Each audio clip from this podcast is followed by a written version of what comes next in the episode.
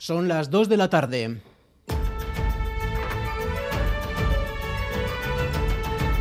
Crónica de Euskadi con Imanol Manterola. A Rachaldeón hoy desde Barrica hasta la gloria eterna del golf. Ram wins the Masters Marathon.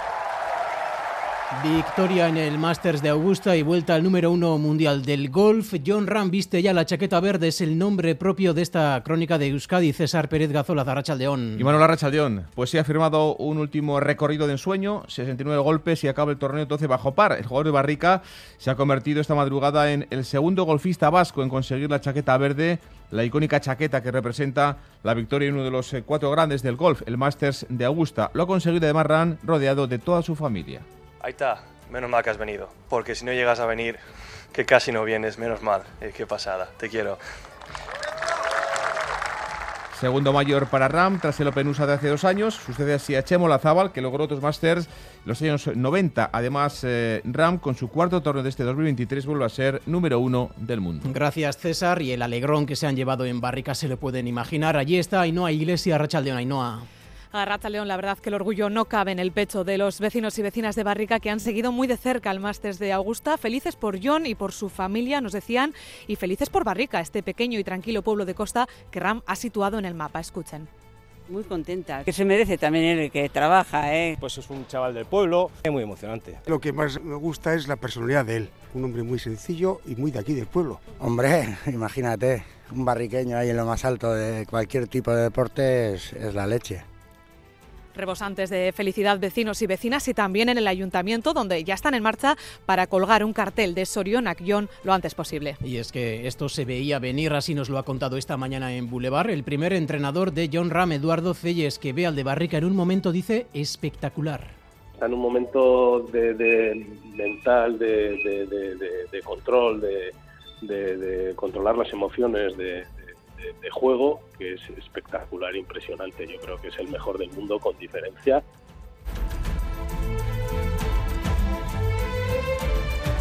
Enseguida volveremos a Barrica. Por lo demás, hoy es lunes de Pascua y ya está en marcha la operación retorno en nuestras carreteras. ¿Cuál es la situación a esta hora, Natalia Serrano, Arrachaldeón? Aracha León, pues aquí en la 8, en la MUBA con Cantabria, dirección Bilbao, estamos sin problemas en estos momentos, sin retenciones, no hay parones, la circulación es fluida, pero sí que se registra un mayor volumen de vehículos que otro día festivo a estas horas de la tarde. La previsión de la Dirección de Tráfico del Gobierno Vasco es que precisamente este sea uno de los puntos negros de la red viaria en esta operación retorno y que esas horas críticas comiencen desde estas primeras horas de la tarde y se prolonguen hasta las 9 de la noche.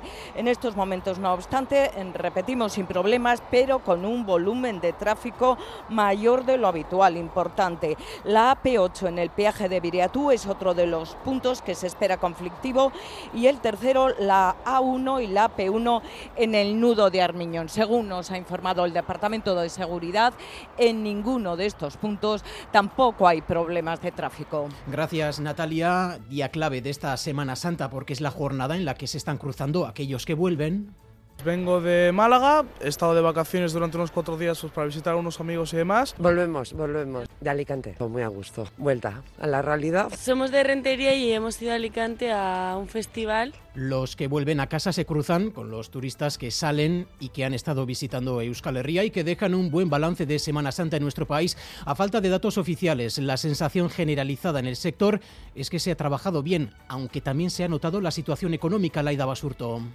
La gente ha venido, pero menos días que lo que quisiera el sector hotelero. La mayoría de reservas han sido para tres noches, lo que ha hecho que la ocupación en las casas rurales haya caído seis puntos respecto al año pasado, hasta el 81%.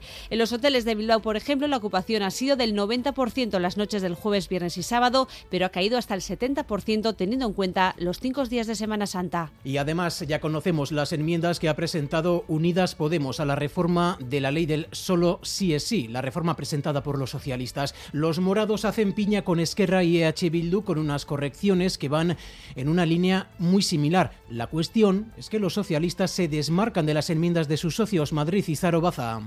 La línea roja de los morados no ha cambiado. El pilar y centro de la norma debe ser el consentimiento. Por eso proponen que la violencia y intimidación sean introducidos en la norma como agravantes y no como subtipos penales, como propone el PSOE. Es decir, que la violencia e intimidación no supongan determinantes para resolver si ha habido un delito de agresión sexual o no. Podemos se alinea así con las enmiendas de Esquerra y Bildu. Sin embargo, los socialistas concluyen que estas enmiendas no solucionarán los efectos indeseados de la ley. Proclaman su proposición de ley como única vía para corregir la norma. Y destacamos en esta portada las palabras de Bernardo Achaga, que hoy se ha pasado por el Boulevard de Radio Euskadi al hilo de la traducción al castellano de su libro Kilkerbat Autopistán, un grillo en la autopista. Ya saben que Achaga ha estado implicado en el proyecto de la vicepresidenta del gobierno, Yolanda Díaz, en su proyecto Sumar, ha capitaneado un documento relacionado con la cultura, pero hasta ahí.